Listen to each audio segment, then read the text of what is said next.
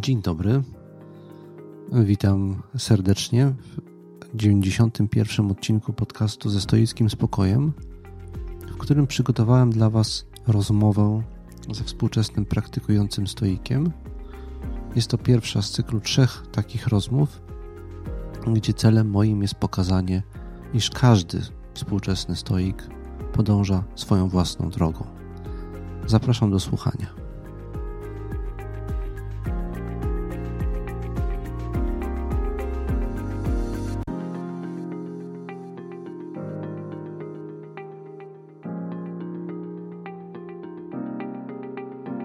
Pod koniec kwietnia mm, tego roku miały miejsce kolejne cykliczne warsztaty stoickie organizowane przeze mnie. Tym razem koncentrowaliśmy się na doświadczeniu i problemie wyboru. W jaki sposób dokonujemy wyboru, jakie są mechanizmy dokonywania przez nas wyboru. Jedną z rzeczy, którą badaliśmy, to jest stara, pochodząca z najstarszego okresu rozwoju stoicyzmu, klasyfikacja procesu decyzji, czy klasyfikacja sądów, jakie leżą u podstaw podejmowania każdej decyzji. Przybliżyłem uczestnikom warsztatów między innymi zagadnienie sądów hormetycznych. Jest, jest taka kategoria w stoicyzmie. Wychodząc od tego, zastanawialiśmy się nad tą przestrzenią naszej wolności, wolności do tego, żeby zmieniać siebie, to znaczy zmieniać swoje procedury dokonywania wyborów. I staraliśmy się uchwycić tą, tą siłę automodyfikacji. Używaliśmy do tego różnych technik. Podczas tych warsztatów ja zaproponowałem także niektórym uczestnikom i uczestniczkom, żeby wypowiedzieli się w moim podcaście. Wziąłem ze sobą sprzęt. Zastanawiałem się nad formułą tych rozmów, bo oto mam tutaj spotkanie ze współczesnymi praktykującymi stoikami, którzy dzielą się doświadczeniami i próbują coś razem lepiej zrozumieć. I to jest w ogóle główna wartość takich warsztatów, tak jak dostaję potem feedback od ludzi, że oni często na co dzień w swojej praktyce stoickiej czują się trochę osamotnieni, a na takich warsztatach spotykają ludzi podobnych i mogą z nimi porozmawiać o tym, co im wychodzi, a co nie. Tym, co mnie uderzyło podczas tych ostatnich warsztatów, jest to, jak każdy, jak w jak dużym stopniu każdy podąża własną drogę. Każdy wybiera sobie coś, co jemu pasuje. Każdy ma jakiś inny moment przełomowy, który sprawił, że pozostał przy stoicyzmie i który sprawił, że, on, że ta osoba odkryła skuteczność stoicyzmu. Dlatego ja, inspirując się trochę jednym z wykładów Epikteta pod tytułem O czynieniu postępów, zadałem trojgu uczestników tego spotkania, zaproszonych przeze mnie do studia, prowizorycznego wyjazdowego studia nagraniowego, zadałem im pytanie o to, jak oni czynią postępy. Co sprawiło, że czynią postępy? Czy to jest, czy to był proces przełomowy, mm, taki, w którym zmiany dokonywały się jakoś skokowo, czy to raczej był taki stopniowy proces? Stopniowego zmieniania siebie. Mm, I e, chciałem teraz mm, Was, słuchaczy, zaprosić do wysłuchania trzech takich rozmów. Rozmów, e, które prowadziłem z, z jednymi z Was, bo wszyscy uczestnicy warsztatów to są jednocześnie słuchacze tego podcastu, słuchacze i słuchaczki. I ja y, to sobie wymyśliłem w ten sposób, że każdy teraz kolejny odcinek podcastu z tych trzech najbliższych, wliczając w to ten obecny, mm, to jest zapis osobnej rozmowy, która,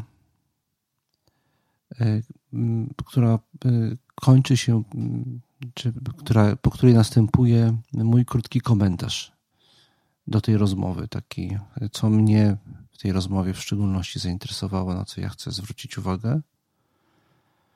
Mm, I każdą tą rozmowę sobie roboczo inaczej zatytułowałem.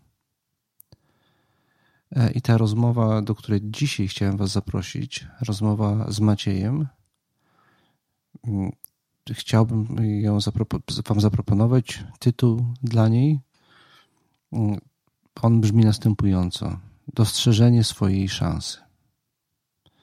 Zapraszam do wysłuchania rozmowy z Maciejem.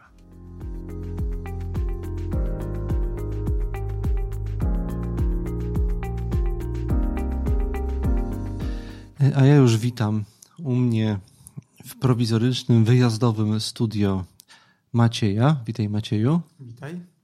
I tak jak zapowiedziałem, chciałbym na wzór Epikteta porozmawiać z Maciejem o czynieniu postępów, gdzie chodzi mi o czynienie postępów na drodze praktyki stoickiej albo dzięki praktyce stoickiej. Macieja zaprosiłem dlatego, że podczas tutaj naszych rozmów na warsztatach stoickich zwierzył się mi nieraz w kontekście różnych rozmów, że ten stoicyzm i praktyka stoicka, on ją napotkał gdzieś w drodze zmagania się ze swoimi problemami i okazało się, że ona, okazało się, że ona jest skuteczna, więc chciałbym, żeby opowiedział nam teraz o tym, jak to się stało, że ją odnalazł, napotkał i co, ją, co jego przekonało do niej i co się okazało skuteczne.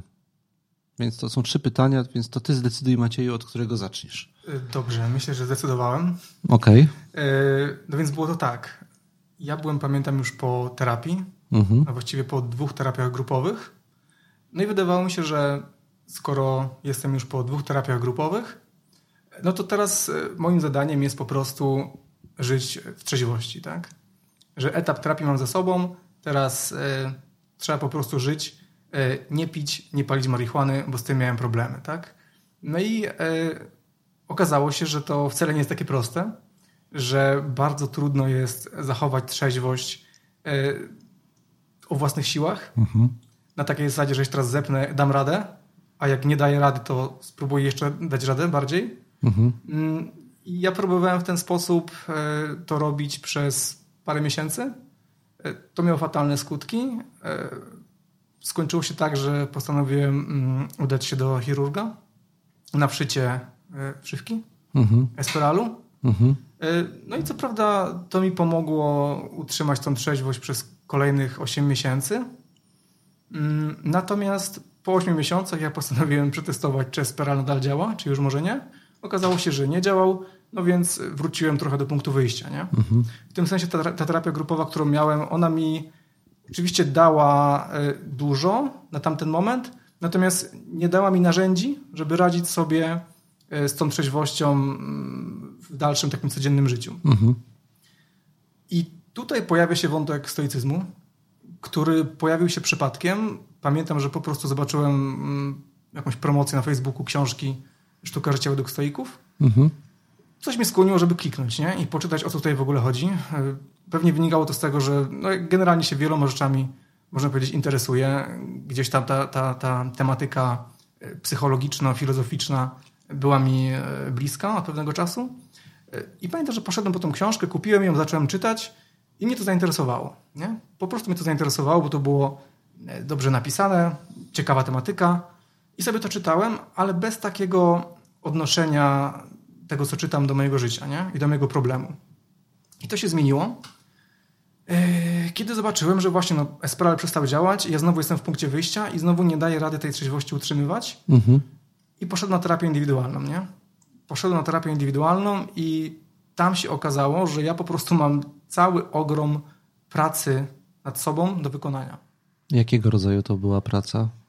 Podczas terapii ją tak, odkryłeś. Ja to odkryłem mhm. podczas terapii, bo okazało się, że na przykład cała sfera emocji właściwie jest przeze mnie w ogóle nieruszona, nie? Tak. Ja się skupiłem na tym, żeby po prostu nie pić, tak? Że jak mhm. widzę, nie wiem, szyldy z alkoholami w sklepie, to ja się muszę spiąć i nie wejść do tego sklepu, nie? I na tym polegała moja praca jakby, tak? Natomiast ta Chodziło terapia... o to, żebyś odkrył dlaczego masz ochotę wejść. Oczywiście. Dlaczego mhm. mam ochotę wejść, dlaczego, skąd cały ten problem, tak? Mhm. Dlaczego on powraca, mimo tego, mhm. że skończyłem niby terapię, tak? To mhm. dwukrotnie. E, I tutaj okazało się, że no właśnie, jest ten element pracy nad sobą, e, gruntownej pracy nad sobą i ja sobie uświadomiłem, że ten stoicyzm, który gdzieś tam chwilę wcześniej liznąłem, może się okazać bardzo skutecznym narzędziem właśnie do tej pracy. A okazało się tak dlatego, że zacząłem temat, temat właśnie nieco bardziej zgłębiać. E, no i pierwsza rzecz odkryłem, że autor książki, Piotr Stankiewicz, sam nie pije alkoholu. Mhm. I całkiem sporo o tym mówi gdzieś tam na swoich mediach społecznościowych. E, później trafiłem na rozmowę właśnie Piotra Stankiewicza z Wiktorem Osiatyńskim, czyli człowiekiem, który też jest, czy był niepijącym alkoholikiem, który w ogóle przeszczepił ten nurt anonimowych alkoholików do Polski. Tak. I on w trakcie tej rozmowy powiedział bardzo ciekawą rzecz, że on poprzez program 12 kroków AA doszedł do tego, o czym mówi Piotr Stankiewicz, mówiąc o stoicyzmie. Mhm. On nawet użył takiego określenia, że on jest stoikiem, ale o tym nie wiedział, że jest stoikiem, że doszedł do tego właśnie poprzez AA. Mhm. No i ja z czasem zacząłem, zacząłem odkrywać, że tych podobieństw między właśnie mm, programem 12 kroków, yy, czy takimi głównymi nurtami terapii, a stoicyzmem jest bardzo, bardzo dużo. I że są podobieństwa właśnie jeśli chodzi o te narzędzia, które mają A podał, Podałbyś przykład takich podobieństw? Yy, wiesz co, pierwsza, pierwsza rzecz, która mi przychodzi do głowy, to jest yy, modlitwa o pogodę ducha, tak? Czyli coś, z czym chyba każda osoba uzależniona się spotyka. Ona jest obecna na każdym meetingu. No i jest obecna w ogóle, w, że tak powiem, świadku osób leczących się z mhm. uzależnienia, mhm. tak? W tej modlitwie bardzo wyraźnie widać ten podział na rzeczy zależne i niezależne, tak? Chodzi o to, że mamy akceptować to, czego nie możemy zmienić tak. i mamy zmieniać tak, to, co możemy tak. zmienić. Mhm. No i to jest jakby jeden z filarów stoicyzmu, tak? Tak, to prawda. Znak rozpoznawczy, można powiedzieć. E, I wiesz, i to było dla mnie ciekawe, nie? że te dwa tak odległe od siebie nurty mówią właściwie o tym samym i podkreślają istotę takiej perspektywy. No, mogę Cię zatrzymać tutaj i zadać Ci jedno pytanie? Jasne. Bo ja się też nad tym zastanawiałem y, swego czasu, bo mówimy teraz o podobieństwach, ale też są różnice, prawda? I to też znaczące, wydaje mi się, nie wiem, czy podzielić ten pogląd. Jeśli chodzi o tę modlitwę? E, jeśli chodzi o y, y, metody 12 kroków i o mm, sam system pracy w anonimowych alkoholikach. Jedną z rzeczy, mm, jednym z elementów y, tego pracu, tej pracy, tego modelu jest zawierzenie się sile wyższej, oddanie się jej i przyznanie się do swojej niemocy. I wydaje mi się, że to jest jakoś fundamentalnie sprzeczne z założeniami stoicyzmu, chyba że ty to inaczej interpretujesz. Nie, ja się z tobą zgadzam. Mhm. E, ja się z tobą zgadzam i yy, wiesz, ja mówię o nurcie AA, tak. mówię o nurcie 12 kroków, chociaż to nie jest mój nurt. Aha. Ja nie byłem właściwie na żadnym meetingu. Mhm. Byłem na jednym, ale z niego szybko wyszedłem. Ja się tam po prostu nie znajdowałem. Nie, okay. nie jestem uprzedzony do AA, natomiast ja tego po prostu nie potrzebuję, okay. to, to nie jest mój nurt. Nie? I oczywiście ta różnica jest i ona bardzo wyraźnie wybrzmiewa chociażby w tej modlitwie. E, polega ona na tym, że, no tak jak mówisz, tutaj Bóg jest na pierwszym miejscu, tak? To Bóg ma mi udzielić tej mądrości, żebym odróżniał zależne od niezależnego, to Bóg ma mi dać pogodę ducha i Bóg ma mi dać mądrość, nie? W stoicyzmie tego nie ma. Stoicy jasno określają, co jest zależne, co jest niezależne e, i Bóg, mam wrażenie, że nie jest tutaj potrzebny. Więc, mhm. więc to jest ta różnica. I wiesz, nie chcę wchodzić tutaj szerzej w ten temat, ale to też był element, który mnie, który mnie do stoicyzmu zbliżył, bo ten moment no. odkrycia zbiegł się w czasie z moimi, że tak powiem, trudnymi relacjami z Bogiem. Nie? Chodzi chyba o to i mnie przynajmniej zatrzymuje to przy stoicyzmie to podkreślenie naszego sprawstwa. Tak. Że tak, to ty tak. jesteś jednak podmiotem zmian Dokładnie. i działań i wszystkie sznurki są w twoich dłoniach. Musisz ich tylko użyć. Nie jesteś zależny od działania jakiejś zewnętrznej siły w tym przypadku. Jasne, mhm. jasne. I dla mnie to było o tyle ważne, że okej, okay, powiedziałem przed chwilą, że nie chcę w to wchodzić, ale, ale powiem. Nie? Mhm. Ja, ja, przez długi czas terapii właśnie, można powiedzieć, zawierzałem siebie i swoją trzeźwość Bogu. Mhm. I ja się na tym zawiodłem. W pewnym momencie, kiedy miałem bardzo, bardzo poważny kryzys, ja poczułem, że te moje, wiesz, prośby, modlitwy po prostu trafiają w próżnię. I tej pomocy nie uzyskałem, nie? Aha. I ja wtedy stwierdziłem, skoro tak, no to ja, to ja będę próbował po swojemu. No i stoicyzm jest trochę próbowaniem, może nie po swojemu, ale o swoich siłach, nie? Że wbrew właśnie temu, co, co mówi się w AA, że tutaj musi być ta siła wyższa, że ty bez tego nie masz szans, e, ja uważam, że mam szansę. Uważam tak dlatego, że poznałem ludzi, którzy z powodzeniem leczą się bez uciekania się do siły wyższej. No i widzę to po sobie, tak? Mhm. Znaczy naj, naj, naj, największe postępy poczyniłem w momencie, kiedy no właśnie można powiedzieć wziąłem sprawy w swoje ręce yy, i zacząłem eksplorować te narzędzia, które między innymi oferuje stoicyzm, tak? I mhm. okazuje się, że, że one są skuteczne i że tutaj e, ja naprawdę nie mam potrzeby, wiesz, uciekania się do, do, do sprawstwa siły wyższej, że to sprawstwo mogę, mogę, mogę mieć u siebie, tak? Że ja mogę je przywrócić yy, poprzez, poprzez szereg yy, praktyk, ćwiczeń. No to mam pytanie w takim razie, które już jakoś pośrednio zadałem wcześniej. Jakich na co dzień używasz narzędzi stoickich, które oceniasz jako skuteczne? Na pewno ten podział na rzeczy zależne i niezależne jest tutaj bardzo ważny. Jak to robisz? Co on mi towarzyszył od początku. Mhm. I ja to zacząłem robić w formie no, takich właśnie ćwiczeń. Ja nawet mhm. sobie to zapisywałem. Mhm. E, na przykład budziłem się rano i mówię, ok, ja dzisiaj chcę przeżyć ten dzień, właśnie mając cały czas na uwadze ten podział, nie? I w momencie, kiedy, wiesz, trafiają się jakieś trudności, to ja sobie mówię, co jest ode mnie niezależne i to mhm. odpuszczam i robię to, co jest ode mnie zależne. A jak to się ma, jakie, jakie jest przełożenie tego typu pracy na lepsze radzenie sobie z tą sytuacją emocjonalną, bo powiedziałeś, że odkryłeś, że masz bardzo dużo do zrobienia w obszarze emocji. Czy tutaj używasz narzędzi stoickich do tego, żeby coś w tym obszarze zrobić? Tak, i to przełożenie jest bardzo konkretne, no bo jeżeli mhm. patrzysz na rzeczywistość wokół siebie, właśnie z tym podziałem na to, co od ciebie zależy i co od ciebie nie zależy, i skupiasz się na tym, co od ciebie zależy, to automatycznie odchodzą ci. Yy, odchodzi ci wiele stresów, wiele, wiele lęków, y, wiele pretensji, mhm. bo to wszystko, wiesz, wychodzi poza nawias, nie? Tak. Nie skupiasz się na tym. Mhm. Za to całą energię poświęcasz na to, co od ciebie zależy i wydaje się na początku, że nie ma tego wiele, ale okazuje się, że tego może nie ma wiele ilościowo, ale to jest ta sfera, gdzie rozgrywa się jakby, wiesz, cały dramat osoby uzależnionej, czyli sfera twoich... E, twojego wnętrza, twoich mhm. uczuć, twoich pragnień. Jeżeli ty się skupisz na tym, nie? No to okazuje się, że da się zmienić bardzo wiele. To mam inne to pytanie. Jedna rzecz, jest tych rzeczy oczywiście więcej. E, a może zanim zadam jeszcze inne pytanie, bo coś mnie tutaj bardzo zaintrygowało, mm, to y, może jeszcze jakieś inne techniki byś podał, które stosujesz, oprócz zależne, niezależne? Wiesz co, jest, jest technika, nie wiem jak ona się nazywa, może ona się w ogóle nie nazywa, ale z obszaru tego, co stoicy nazywają wyobrażeniami. Mhm. Nie?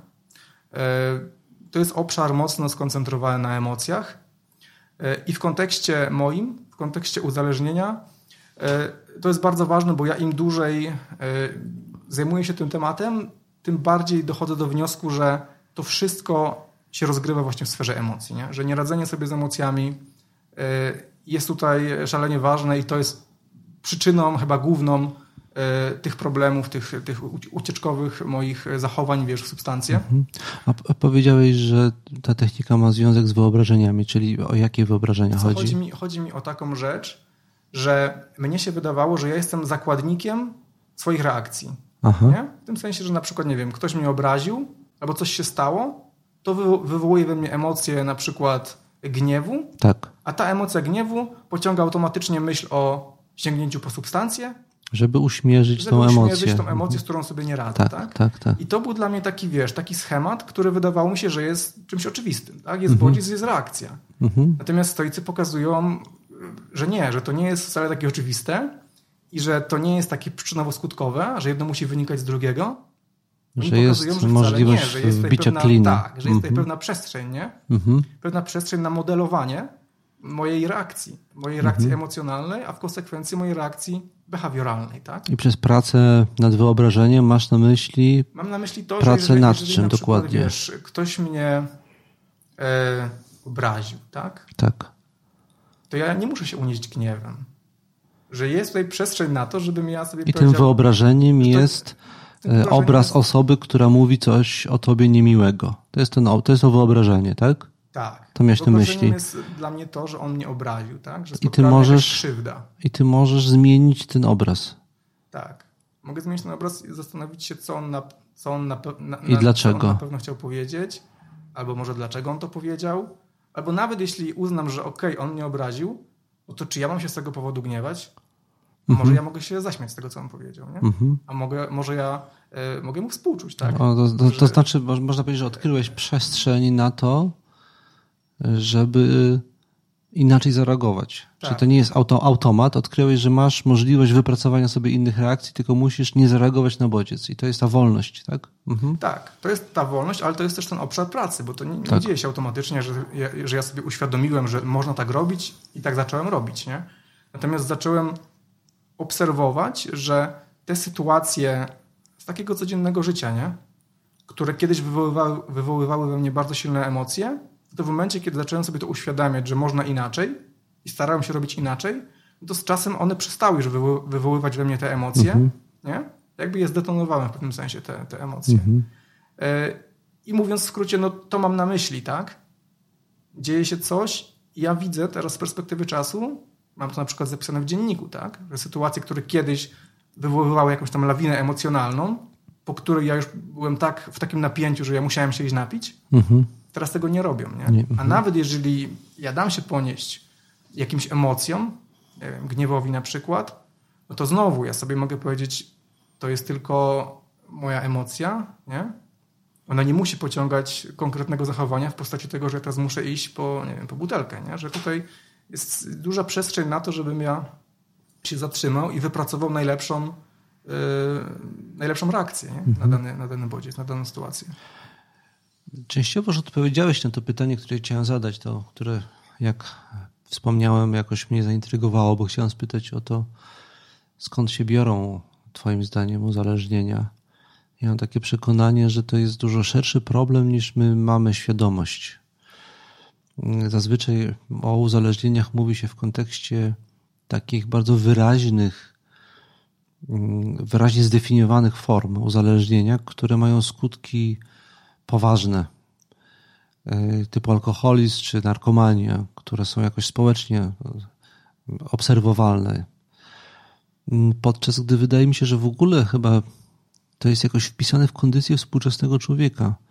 Nie, nie wiem, czy masz takie obserwacje jako osoba trzeźwie, trzeźwa, że wokół nas jest bardzo dużo ludzi, którzy żyją na różnych uśmierzaczach bólów emocjonalnych, to nie musi być alkohol, ale to jest jakoś cecha konstytutywna chyba nasza kultura. My jesteśmy kulturą ludzi uzależnionych od różnych używek. Nie wiem, czy, czy, czy, czy miałeś takie obserwacje, czy nie? Tak, ja się oczywiście z tym zgadzam i tutaj nie trzeba być e, ani ekspertem, ani jakoś siedzieć w temacie, żeby to po prostu widzieć, nie? że e, no dzisiaj mam wrażenie nawet wiesz, nowoczesna technologia jest tak skonstruowana, żeby nas od mhm. siebie uzależniać, tak? Tak są skonstruowane chociażby media społecznościowe, e, tak są skonstruowane portale streamingowe z serialami. Mhm. Chodzi o to, żeby cały czas trzymać u siebie, tak? Tego, tego konsumenta, cały czas wytwarzać w nim, wytwarzać w nim nowe potrzeby. Mhm. No i ludzie się na to łapią. Ludzie się na to łapią, bo wiesz, bo po drugiej stronie siedzi rzesza ekspertów, specjalistów, którzy doskonale wiedzą, jak to robić. A my nie wiemy, jak się przed tym bronić. I, I, to jest problem, natomiast e, ja bym też nie wrzucał wszystkiego do jednego worka. Tak. Bo wiesz, czym innym jest e, to, że spędzasz za dużo czasu na YouTubie, a czym innym jest to, że e, wiesz, twoje życie się sypie z powodu alkoholu. Masz rację, ale tak jak ja obserwuję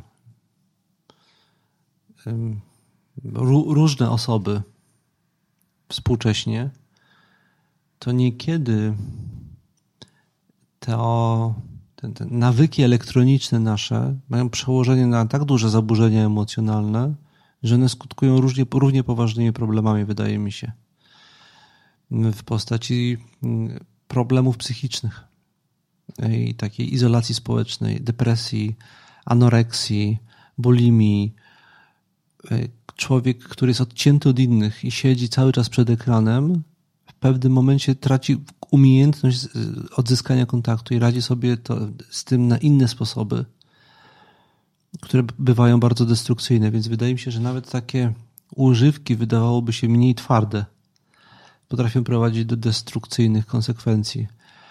Z czego się to wzięło, Twoim zdaniem? Czy masz jakieś takie przemyślenia, bo byłeś w tym, y, że w naszej kulturze tak mocno jesteśmy wystawieni na to ryzyko uzależnień dzisiaj? Myślę, że to jest, to jest trudne pytanie. No, nie obiecywałem, że będę zadawał, zadawał tylko łatwe. To prawda, nie obiecywałeś. Mm, wiesz co, nie wiem, nie będę, nie będę ci ściemniał, że wiem, bo mhm. nie wiem. Nie wiem, dlaczego tak jest, natomiast y, wiem, wiem to, że y, to pokolenie, które dzisiaj ma lat naście, według mnie to jest tykająca bomba. Aha.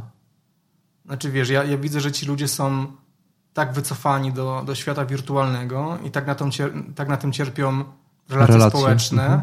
kwestie chociażby, wiesz, jakiejś bliskości emocjonalnej, nie? Że ja myślę, że to kiedyś wybuchnie, nie? To może nie być dosłowny wybuch, ale, ale mhm. wydaje mi się, że to będzie generować szereg problemów. No myślę, że częściej już doświadczamy. Mm, ten ty, dzisiejszy podcast zatytułowałem sobie o czynieniu postępów mm, i mam w związku z tym pytanie, czy ta praktyka stoicka i postępy na jej drodze, opisałeś je już takich kategoriach, że odkryłeś możliwość stworzenia tego bufora w sobie między bodźcem a reakcją i to było jakoś przełomowe. Czy to jest doświadczenie spokojnego procesu, postępu, czy raczej to jest skokowe doświadczenie? Że nagle po prostu załapujesz coś i działa, czy raczej widzisz nie, tak jak nie wiem, z kondycją jest, tak, że jak biegasz, biegasz, biegasz, to po prostu wzrasta ci wydolność i po prostu coraz więcej możesz, czy raczej to jest to, że nie umiesz, nie umiesz, nie umiesz i nagle umiesz? Czy to jest doświadczenie procesualne czy skokowe, postęp w praktyce stoickiej z twojego doświadczenia? Myślę, że to jest proces. Mhm. U mnie to był na pewno proces. Przy czym proces, który dość szybko zaczął owocować mm, takimi namacalnymi wiesz, owocami, dowodami zmiany, nie? Mhm. I to obserwowała moja żona, na przykład. Tak. Dostawałem, że tak powiem, y, bezpośredni feedback, nie? E, to było widoczne chociażby w relacjach z moimi dziećmi. E, I to było widoczne na przykład w moim dzienniku. Jak wspomniałem, piszę dziennik, ale też czytam dziennik. Mhm. Swój? Tak. To, to jest część twojej praktyki? Tak, że to jest część mojej praktyki. Aha. Czytając ten dziennik, ja widzę, w którym miejscu byłem, wiesz, pół roku temu, rok temu gdzie jestem teraz. Okay, to się wzmacnia. I to się wzmacnia. Okay. I że sytuacje, które kiedyś miały miejsce, dzisiaj już nie występują. Nie? -hmm. Widzę, widzę namacalnie tą swoją wiesz, drogę, którą przeszedłem. E, no i to mnie nakręca. Nie? To, to mi pokazuje, że ja jestem na, że jestem dobrze ukierunkowany i trzeba, trzeba po prostu iść dalej w tym kierunku. No dobrze, to ja mam jeszcze jedno trudne pytanie na koniec. Czyli te były łatwe. Tak. Mam trudne pytanie na koniec. Ty przyjechałeś na warsztat stoicki z pytaniem, problemem e, i podejrzeniem, że być może nie wszystko w stoicyzmie działa tak, jak się spodziewałeś. E, może opowiedz o tym i czy masz jakiś pomysł, co zrobić, żeby to ewentualnie zadziałało, czy nie na chwilę obecną?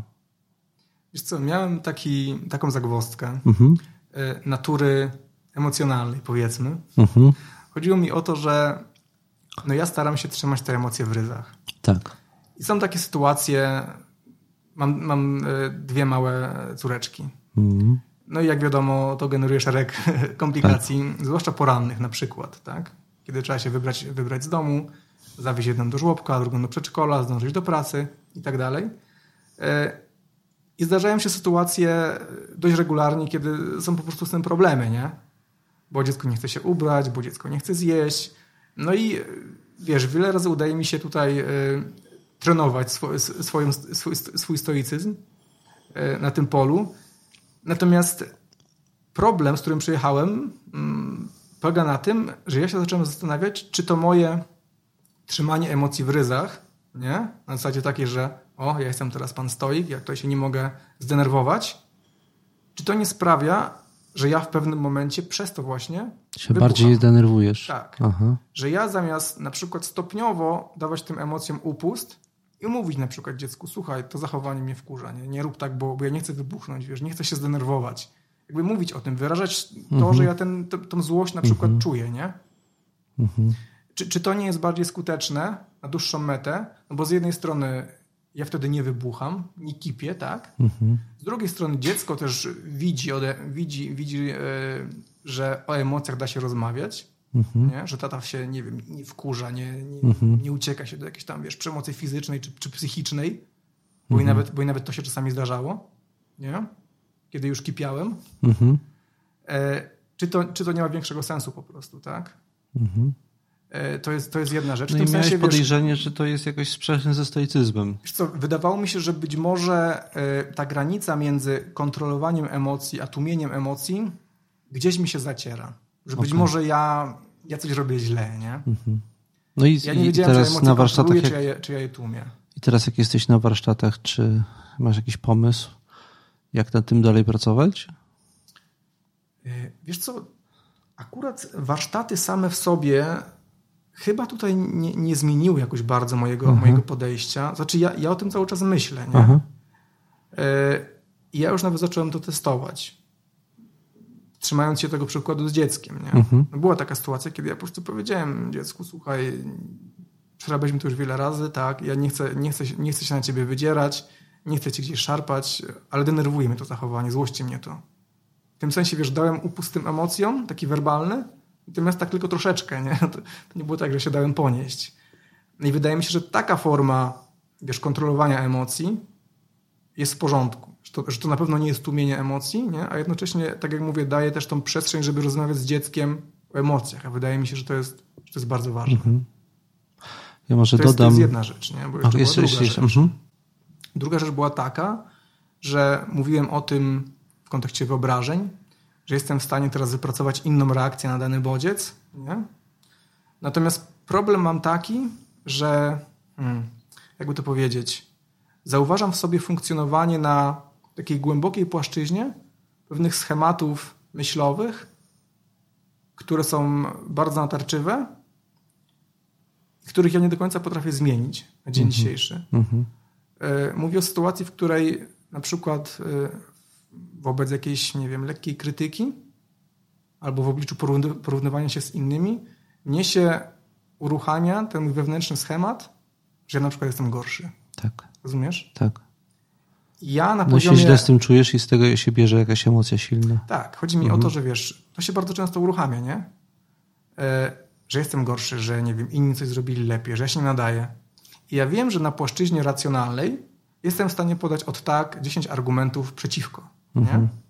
I na poziomie racjonalnym jestem w stanie jakby to, to wyobrażenie, wiesz, zdetonować, rozebrać i powiedzieć, że ono jest fałszywe, mhm. ale to nie zmienia tej płaszczyzny emocjonalnej. Nie? Mhm.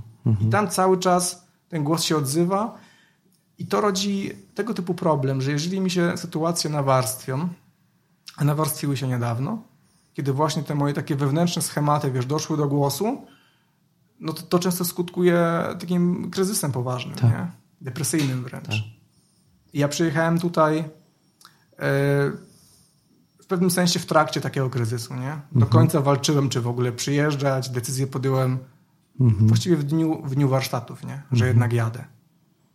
No i oczywiście nie żałuję, aczkolwiek, aczkolwiek tak jak wspomniałem, no to jest proces. Nie? To, to jest nie proces. jest tak, że ja przyjadę na warsztaty i eureka nie? i się zmienia. Jeżeli mogę coś zarekomendować i też podzielić się czymś tutaj jasne, jasne. na antenie, że tak powiem, to potwierdzam, że to bywają procesy długie i po pierwsze trzeba zaakceptować, że będą kryzysy, że to nie jest takie gładkie, bo to jest tak, że jak uporamy się z jakąś jedną warstwą problemów, to odkrywamy warstwę, która była pod spodem, o której mogliśmy nawet nie wiedzieć. I wydawało, wydaje nam się, że rozwiązaliśmy problem, a tam pod spodem jest jeszcze jakiś inny. No i ten, za, ten, za ten inny trzeba się znowu zabrać i bywa, że to zajmie trochę czasu, zanim zrozumiemy, na czym dokładnie to polega. Tutaj na tych warsztatach dużo rozmawialiśmy o, ukrytych sądach oceniających. Tym, co uruchamia nasze złe samopoczucie i te kryzysy emocjonalne w moim doświadczeniu. To są różne, głęboko ukryte sądy oceniające dotyczące tego, jak powinno być w świecie, jak nam powinno być w świecie. E, I one się nam włączają, nawet jeżeli gdzieś na jakimś innym poziomie coś racjonalnie dobrze rozumiemy. To mogą być jednocześnie niezachodzące procesy. Bo my nie jesteśmy cali odkryci dla siebie naraz. Pewne rzeczy mamy odkryte i do nich mówimy, a pewne mamy nieodkryte. E, I w mojej praktyce wieczorny przegląd siebie służy temu, żeby takie sytuacje, w których jednak pomimo tego, że już wiem, gdzie jest podział na zależne i niezależne, to jednak okazuje się, że jestem zależny emocjonalnie od pewnych sytuacji, żeby wieczorem poddać je badaniu i zastanawiać się, jaki ukryty sąd oceniający uruchomił to, który wiem, że gdzieś tam jest i jeszcze raz spróbować się zastanowić nad tym, jak mógłbym daną sytuację inaczej ocenić. I wyobrazić sobie, że tę sytuację inaczej oceniam. E, nasz mózg nie wie, kiedy reaguje na to, co się dzieje dokładnie, a kiedy tylko na to, co sobie wyobrażamy, że się dzieje.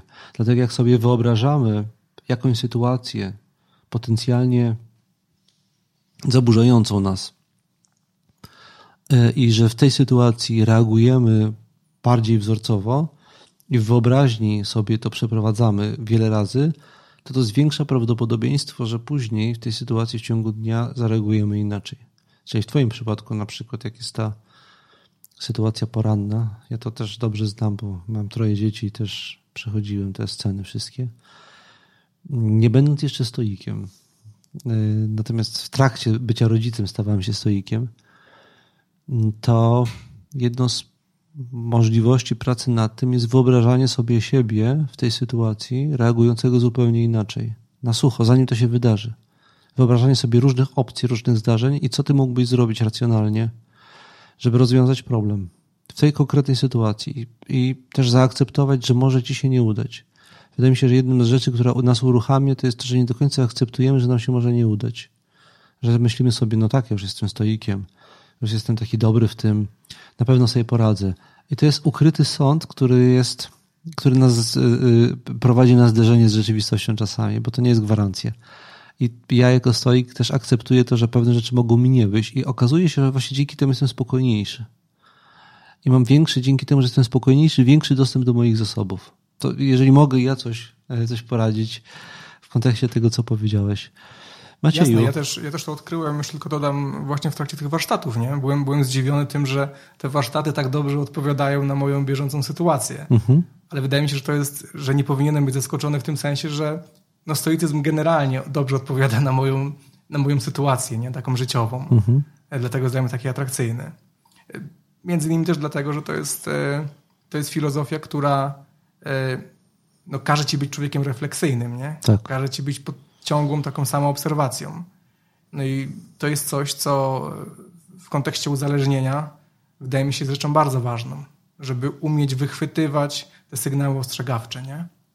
i umieć mhm. te, te, te sygnały ostrzegawcze nie tylko identyfikować, ale też przeciwdziałać im. Nie? No i chyba też rozumieć, skąd się to bierze, ten mechanizm. Tak, rozumieć siebie w tak, ogóle. Tak. Nie? Pewnym momencie też zauważyłem, że takie rozumienie siebie jest na tyle przyjemne, że nie przestajesz chcieć szukać innych przyjemności. To jest paradoks pewien, no ale o, ja, ja, ja u siebie go zaobserwowałem wiele razy. Macieju, dziękuję za rozmowę.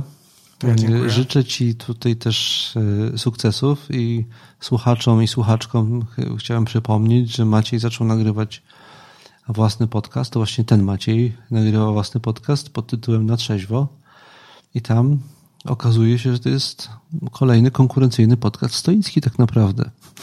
Co jest o tyle zabawne, że wcale nie miałem tego e, w zamyśle. Aha to nie miał być podcast stoicki, no ale okazuje się w trakcie nagrywania, że ja tak już y, nasiąkłem tym stoicyzmem, że ten podcast zrobił się stoickim w pewnym sensie, nie?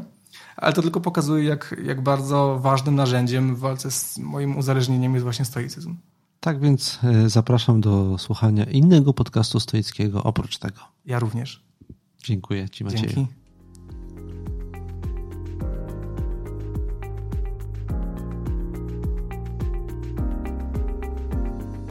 mam nadzieję, że ta moja rozmowa z Maciejem przypadła Wam do gustu i że coś z niej dla siebie weźmiecie. Ja na pewno wziąłem no i za chwilę powiem trochę więcej, co to jest. Zdradzę, że to jest ten Maciej, którego podcast reklamowałem w ostatnim odcinku mojego podcastu. Chodzi o podcast e, na trzeźwo. E, I tak się złożyło, że Maciej przyjechał na warsztaty. To była jego, to jego pierwsza przygoda z warsztatami stoickimi. I ja zaproponowałem, żeby e, ze mną porozmawiał, bo wziąłem ze sobą sprzęt do nagrywania podcastu. A my i tak planowaliśmy rozmowę. Niewykluczone, że mm, ja odwdzięczę się Maciejowi. Wstępnie sobie tak to jakoś zaplanowaliśmy, że ja się pojawię także u niego w jego podcaście i on będzie miał swoje pytania dla mnie. Zrewanżujemy się jakimiś mniej lub bardziej trudnymi pytaniami, więc śledźcie jego podcast. Jest możliwość taka, że ja się tam też pojawię. Maciej od niedawna nagrywa swój podcast i zwierzył mi się podczas warsztatu, że złapał się na tym, iż to jest podcast bardzo stoicki. Jak bowiem okazało się w tej rozmowie, to stoicyzm jakoś y, stał się, praktykowanie stoicyzmu stał się dla niego przełomowy w, radzenia, w radzeniu sobie z niektórymi wyzwaniami mm, pozostawania w trzeźwości. Ja tą rozmowę z Maciejem zatytułowałem mm, roboczo i zostawiłem sobie potem ten tytuł dostrzec swoją szansę, bo chyba to, to jest ten sekret, to jest to, co ja wziąłem e, dla siebie z tej rozmowy. Sekret efektywności w radzeniu sobie ze swoimi demonami różnymi, e, on się składa z dwóch elementów, wydaje mi się.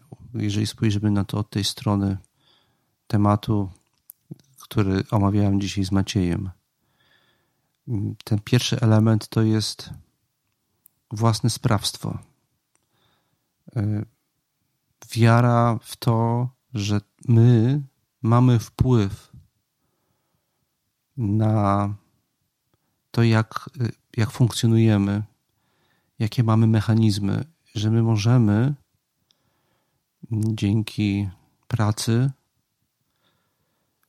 te mechanizmy zrozumieć, uchwycić i zmienić. Użyłbym tutaj metafory struny.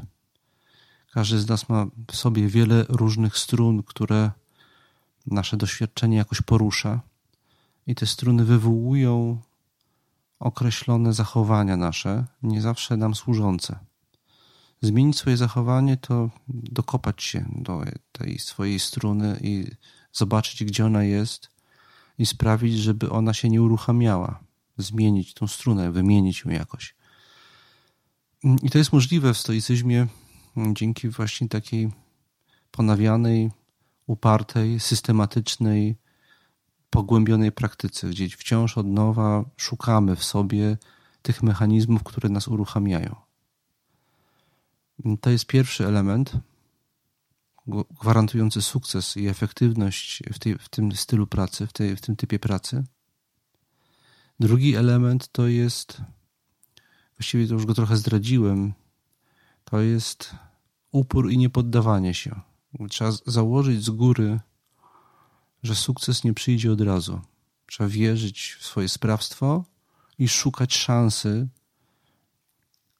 swojej szansy na zrozumienie i zmienienie siebie. Wciąż od nowa, każdego dnia od nowa, bo za którymś kolejnym razem to się udaje.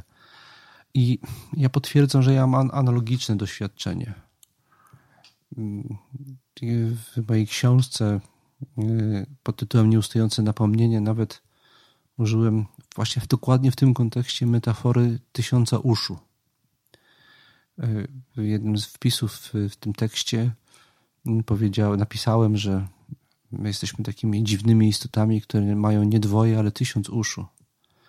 I żebyśmy zrozumieli, przekaz, które sami do siebie formułujemy, że coś jest dla nas szkodliwe, że nie powinniśmy tego robić, że powinniśmy zachowywać się inaczej, postępować inaczej, reagować inaczej. Nie chodzi o to, żeby to po prostu powiedzieć, tylko powiedzieć do właściwego ucha. Trzeba je sobie odkryć, tak jak tą strunę się odkrywa. I to by dało mi się bardzo adekwatne w rozmowie z, z, z Maciejem. Dwa razy się nie uda, dziesięć razy się nie uda, trzydzieści razy się nie uda, ale za którymś razem, kiedy będziemy uparcie e, różne techniki stoickie, tak jak też te, które tutaj omawialiśmy z Maciejem, stosować, za którymś razem my tam dotrzemy i złapiemy dokładnie tą strunę. Ale trzeba to na, na, u, u, powtarzać, robić wciąż od nowa, tak jak powiedziałem. A więc wiara w sprawstwo i upór to są te dwa elementy gwarantujące efektywność. Jeszcze z jedną refleksją, krótko na koniec tego komentarza do rozmowy z Maciejem chciałem się podzielić. Ja pytałem wiele osób, Macieja też, e, także kolejnych rozmówców, czy praktykowanie stoicyzmu to jest doświadczenie raczej o charakterze procesu, czy jakiegoś takiego skoku, e, gdzie doświadczamy nagłej zmiany. Wielu ludzi wierzy w to, że coś mogą zrobić ze sobą i doświadczą nagłej zmiany. Mm, ludzie doświadczeni w każdej praktyce duchowej wiedzą, że to jest raczej stopniowy proces. I wszyscy moi rozmówcy właściwie potwierdzają, że, że, że praktykowanie stoicyzmu to dla nich jest stopniowy proces. Ja mam taką refleksję też, że jeżeli się bliżej mu przyjrzymy, to, to nie jest stały proces. To jest, ta stopniowość składa się z drobnych skoczków, że tak powiem. Czyli to nie jest jeden duży skok sprawiający, że całkowicie się zmieniamy, ale to jest, jeden, to, to jest suma różnych drobnych kroków naprzód i każdy z nich jest, jeżeli na to właściwie spojrzeć, pewnego rodzaju, rodzaju wewnętrznym duchowym skokiem jednak. Mm, I to dobrze można zrozumieć, wracając do tej metafory struny, której tutaj już użyłem, Mm, bo jak dotrzemy do tej jednej konkretnej struny, która uruchamia w nas to jedno konkretne, niesłużące nam zachowanie, i kiedy ją naprawdę dobrze chwycimy, to to jedno zachowanie, ono przestanie, przestanie nam mm, przysparzać kłopotów, przestanie nam doskwierać. Kiedy ja nauczę się i zrozumiem, dlaczego w pewnych sytuacjach reaguję gniewem, dlaczego w pewnych sytuacjach reaguję e, frustracją, dlaczego w pewnych sytuacjach mam ochotę sięgnąć po używkę. Mm, e, jeżeli dobrze to zrozumiem, ten, ten mechanizm w sobie i go uchwycę, to w kolejnej takiej sytuacji on mi się nie uruchomi. I to jest, e, e, to jest ta zmiana jest właściwie pewnego rodzaju wewnętrznym, bardzo znaczącym skokiem. I, I, kiedy przechodzę koło sklepu, do którego zazwyczaj mam odruch wejść, żeby sięgnąć po używkę, to kiedy tą właściwą strunę stosowaniem różnych konkretnych praktyk stoickich dotknę, to następnym razem przechodząc koło tego sklepu, ja tam nie będę miał ochoty w ogóle wejść. I to jest skok. To nie jest coś, co się dzieje stopniowo, że coraz mniej mi się chce. Z mojego doświadczenia wynika, że jak uchwycimy tą właściwą strunę, to to jest drobna, ale skokowa zmiana. I stopniowość naszej wewnętrznej przemiany polega na sumowaniu się takich drobnych, skokowych zmian. To to bym chciał dodać.